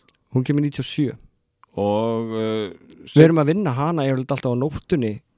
Uh, sko, Svistens kemur út og við förum fljótlega að vinna í hinnuplötunni. Við erum alltaf að spila svo mikið við vorum rosalega mikið á nóttunni að taka upp þáplötu. Mm. og við erum eiginlega að vinna hana með við erum að spila miljón crazy, en já það er að uh, umbóðsmaður Tínu Törner hafði eitthvað áhuga á okkur og var alltaf bjóða okkur til Norex Og hv- hvernig, hvar heyrðar Var hann á erfis eða nei, þetta var fyrir Erfis Þetta var fyrir erfis? já, þetta er svona 98 örglega sko. mm. og ég veit ekki að ég held að hann átti vinkonu á Íslandi og var á Íslandi og heyrði í okkur og byrjaði bara að bjóða okkur eitthvað út sko það datt fljótt upp fyrir reyndar. Umbóðsmaður Tínu Törner Og af hverju datt það upp fyrir? bara, hérna, við vorum ansi óþekkir á þessum tíma sko. Þú var aðeins að útskýra það nána uh, nei, nei, kannski ekki, ég veit ekki. Uh, pff, við gerðum bara allt crazy sko. Uh, ég man eftir þegar við fórum allavega í eitt skipti á okkur svona tónlistar ráðstefnu í Nóri og með okkur för var Steppi Hilmas, Jón Ólafsson píónuleikari Mm. og Emilia Torini og þarna erum við sagt fjúum til Norex, eh, til Oslo held ég og förum til Hójangar og erum þar sérst á okkur svona hóteli og okkur skútusiglingar og allt í bóði Eitthvað og voða flott. rosa flott sko. Nóg mat, að drekka. nóg að drekka maður og matur allt og skíðaferðir og allt mjög poss sko. Mm. Fyrir náttúrulega eru allir voða pás já, já, já, við erum það. Svo var þetta bara, þú veist, við vorum svona svona eins og pöngararnir þarna sko. Mm. þú veist, þetta var allt mjög svona, svona frekar dannað sko. Og okkur fótboltamót á daginn og allir búin að láta hanna búninga og eitthvað. Og við mætum þannig ansi vel reyðgæður um morgunin bara í sömu fötum og fórum að sofi sko. Þannig að við verðum eiginlega að segja okkur úr keppni þetta var alveg uh, en ég meina þarna byrjuðum við svona aðeins að tegja okkur út sko. Já, og ég meina planið var aldrei að gera í rauninni neitt sko. Þú veist við lifðum alltaf bara í dag sko. Já, þú veist við vorum ekkert að spá í neinu. Ok. Aldrei þú veist. Og þú sagði með það hérna að uh, þarna hefðu þið verið með Stefán Hilmás og Torini í bakröndum já þetta var við spilum held ég við, á þessari tónlistarástefni einhver megin þá áttum við vorum áttum að koma fram sko á samt einhverju fullta dóti sko. Og það endaði að segast á því að Steppi Hilmans og Emilia Torini voru að syngja bakrættir Jón Ólafs var á okkur synda þarna sko og Mortel Haget söngur nú AHA var að spila bongo fucking geðvögt Ding, ding, ding, toppiði það? Toppið það gátt fólk og, og, og, uh, og, og hérna en, en umbásmaður Tínu hann svona fekk nóg á okkur. Já, ég hitta reyndar ekkert svo langt síðan. Hann var að bjóða mér að, hérna, vera DJ á okkur skemmtifæraskipi sem hann á og þú sagði nei, hvað er að því? Ég, maður, ég var alveg, neð, veit ekki. En það var að spá því. Ég held að ég þetta sé ekki tónlistarlegs eðlis, hann er, hann er skotin í ykkur strákunum. Já, það er eitthvað, Ah, hann er alveg super gæi sko. einhverju slæmi strákar á Íslandi. Já, það er eitthvað. En uh, við ætlum við að fara í rap næst. Já, og uh, þetta er náttúrulega annar svona game changers. Já algjörlega. Nema þessir uh, byggu til uh, fandalínu líka sem Já. að snúpar minna í. Já, algjörlega. Þetta er bandin alltaf bara geðveikt. Og kom inn bara alveg svo hinn hana Snoop Dogg platan sko. Þessi plata kom inn og, og gerði allt vittlust mm. gerði allt trillt. Og, og sko það var rosalega lítið af sko allan hér heima af uh, útafslögum í bóði Já, og, og veistu það, va- voru þið mikið spilaðir í, sko, vantarlega verið spilaðir í hvít, nei, svörtu útvarpi. Já, já, en, en sko ég held að sé ekkert margir sem geta nefnt helstu slagara vótangdrengjana örglega ekki. En úst, þetta var ekki úst, eh, þeir byrjuðu að nota allar þessar gömlu hérna, kungfúmyndir Já, eða ekki í já, já, algjörlega, já. Rissa sko. Já, byrja hérna, já, þetta er allt saman sagt, miklir áhuga menn um kung fu. Mm. og þú veist, samplað bara gamlar kung fu myndir í drasl.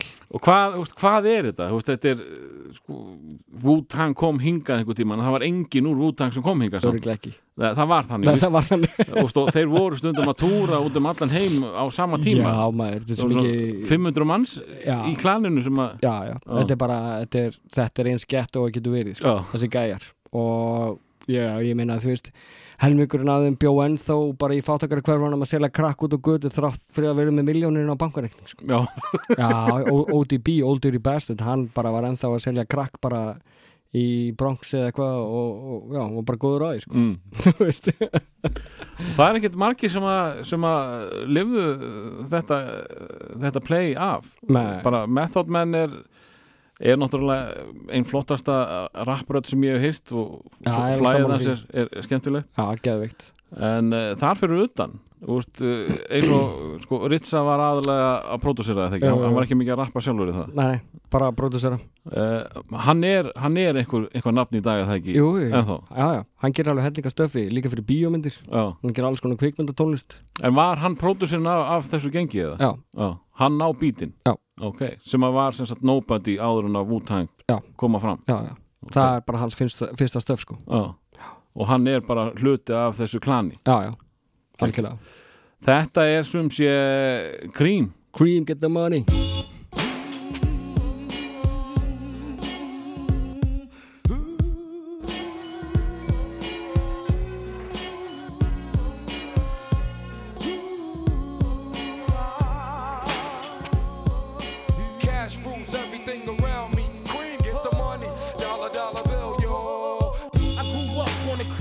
side, the New York Times side. Staying alive was no job, had second hands. Moms bounced on old men. So then we moved to Shaolin Land, a young youth. You're rocking the go-to, low goose. Only way I begin to G York was drug loot. And let's start it like this, son. Rolling with this one and that one, pulling out gats for fun. But it was just a dream for the teen who was a fiend. Started smoking wools at 16 and running up in gates and doing hits for high stakes. Making my way on fire skates. No question, I was speed for cracks and weed. The combination made my eyes bleed. No question, I would flow off and try to get the dough off. Sticking up right boys on board. My life got no better. Same damn low sweater. Times is rough and tough like leather. Figured out I went the wrong route. So I got with a sick tight click and went all out. Catching keys from cross seas, rolling in MPVs every week. We made 40 G. Yo, brothers, respect mine. I ain't gonna tech now. Bow, move from the gate now. Cash rules everything around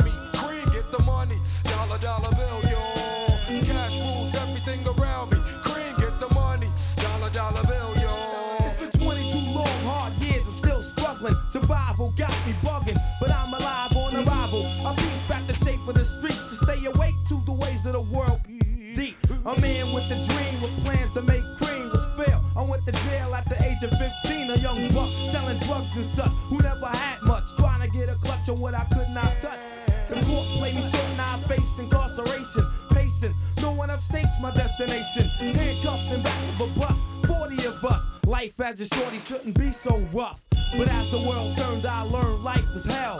Living in the world no different from a cell. Every day I skate from Jake's giving chase, selling bass, smoking bones in the staircase.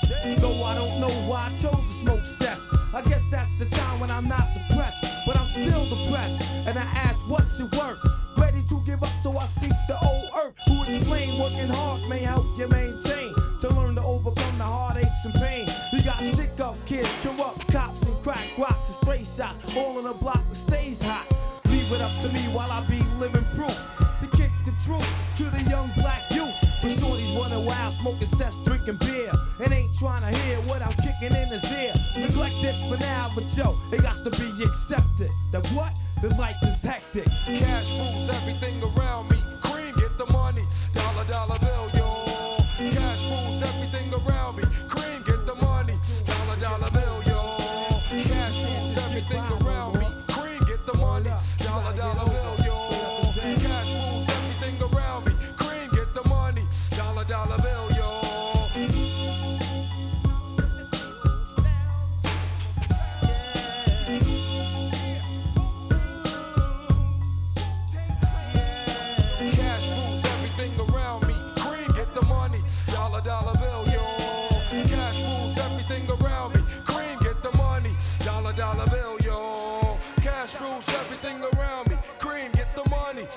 Dollar, bill, y'all.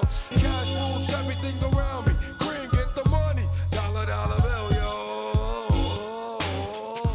Yeah. Yeah Yeah What up? Þetta er sem sé Wu-Tang Wu-Tang við fórum eitthvað aðeins að- að skoða Wikipediuna Mhm. og þeir náðu tveimur lögum inn á topp 100 í bandaríkjunum hæsta lagi fór í, í 60. sæti sem var þetta lag samt uh, seljaði 2 miljónir eintaka af uh, hérna, Wu-Tang Forever Mhm. án þess að vera með hitt til þess að bakka þau. Með samt sko, ég einhver meginn held að, ég tekkaði ekki á því, en ég held einhver meginn að þetta lag hefði verið örglega í topp 5 sko. Já, ég hefði haldið að þetta hefði verið sko, svona worldwide hit Já, sko. ég er að segja það, sko. en, en það, þetta var Nei, vinsast einmitt. nema 60 í bandaríkjunum búið 60? og, og, og svo náttúrulega á R&B listanum í bandaríkjunum eitthvað slags en, en það bara fylgir því að, að ná svona hátt á, Einmitt. Þetta er magnað Já. en uh, þarna sko á, á þessu tíma var Wu-Tang bara málið Já, bara geðvegt sko. Bara í mínu vínu hópa var allir að hlusta á þetta. Já, en voru margir að dressa sig í, í Wu? Nei, Nei það var enginn sem ég þekkti sem var að klæða sig í þetta sko. Er það ekki? Nei. Var það, var það ekki töff? eða? Nei, ég held ekki sko Það var kannski ein bíni eða eitthvað svona lópa, eða þú veist, húa skilur mm. en nei, annars ekki sko Fötin sem fólk var að vinna með á þessum tíma hjá mér, eða þú veist, í mínu umhverfi var hérna sko early 90s Mm. Þá var það eins og Triple Five Soul, Dosey Posse uh, og fleiri merki Ég veit ekkert hvað það segja þarna, það var sko já, Dosey Posse var merki varstu, sem var var, heitt sko varst, þú, varst þú hérna þræll tískunar á, á þessum áratu? Já, ég hef alltaf verið það. Ok Já, Já, ég meina þú veist Dosey Posse, svo kom Fresh Jive Mm. Triple Five Soul Fresh Jive, var það ekki flötumerki? Nei Bara plötuútgáf? Nei, Ok. fattmerki sko Og svo náttúrulega Stussy sko, náttúrulega Já. risastórt sko Og svo þótti líka mjög cool að taka sem sagt uh, Það voru oft bólir sem voru sem sagt búið að taka þvottaefni Mm. og breyta þeim setja til dæmis Fresh Jive í stæðan fyrir uh, Ajax Já, já. eða þú veist, eitthvað, við veit ekki hvað sem þvottaefni heita sko. og þetta þótti rosa cool á sínum tíma að taka þvottaefni Mynd af þvóttaðinnis pakka eða? já, og bara setja sér satt logoið sitt á þvottaefnispakka þetta var eitthvað dæmi. Maður. Já, en, uh, en ef úver, það náði aldrei held ég hingað, sko, Já, allavega ok. ekki hjá mér. Nei, ég held ég hef bara séð uh, LG já, einmitt. Kannski segir alltaf segja það já, Herðu, lokalagi, það er eina svona álfuru trip-hop-lagið sem að þú uh, bauðist upp á, á þessu lista. Já. af einni af bestu plötum sögunar það er rétt. Og einhver sérstök ástæðu vilur þetta af öllum uh, trip-hop uh, smellanum sem að voru í bóði um, Ég ætla að finna eitthvað svakalega stórt orð og enda í smelli. já, ok, já, já. mjög töff. Uh, pff, mér finnst bara að þetta er geðug plata. Mm. öll bara, hún rennur alveg í gegn bara óaðfinnanlega í rauninni og taktinni geðveikir eða bara atmóið sem, sem hljómsutt nær er bara mjög cool Mm. þú veist, er lágstemd stemming sko, Já, með náttúrulega geggjað á söngunu ofan á allt saman sko. nákvæmlega sem bara gerir þetta ennþá meira cool sko. Mm. þannig að þetta band er geðveikt ég hef hlustað mjög mikið á trip-hop en uh, mikið af því stöffi örglega náði ekki nú eina lista eða eitthvað Mm. þannig að ég valdi þetta og þetta finnst mér bara, já, bara eitt af svona bestu trip-hop-lögunum alveg frá þessum tíma, sko. Mér finnst þú svolítið vera að skjóta á mig við að Nei, nei, nei, nei. Enga veginn, nei, nei, alls ekki. Nei, ég, þe- þessi, þessi lista uh, Ég held ég hafi miskilið þetta, sko. En ég er ekki vissant. Nei, ég, sko bara til þess að- að komast hjá því að fólk farið að setja upp á Já. spjæðliðarna sínar eða síðasta lagi á veit það. Að þess að segja sjást einhver starf á lista þess að Wu-Tang Já, e, það er á lista. Já, ég veit það. bara einhver starf á lista þannig að þetta hafi einhver starf heist Já, uh, þetta, við spurt sér frá einhverju listum eða eitthvað, þá hefði þetta lag alveg klárlega verið, skilur á þessum lista, sko. Mm. Þannig að þetta er bara, já, geðveikt band. það er búið að vera sannur hefur að sitja þetta með þér Steini Sömulegis, virkilega gaman. og uh, margar skemmtulega sögur sem að maður fekk að heyra hér í, Já, í ég held dag. ég hef ekki sagt uh, Já, þetta held ég aldrei komið bara fram neðstan annar staðar. Það er nefnilega þannig. Það er bara þannig. Þannig að ég segi bara svona sögur sem maður hefur ekki þórað að segja frá. Já, og Í rauninni. þetta er nefnilega akkurat tækifæri til Já. vegna þess að það er enginn að hlusta sem maður vill ekki hlusta. Já, geðvikt það er langt best Já. Takk fyrir og hafa það rosa gott. Takk aðeinslega fyrir mig, sem leiðis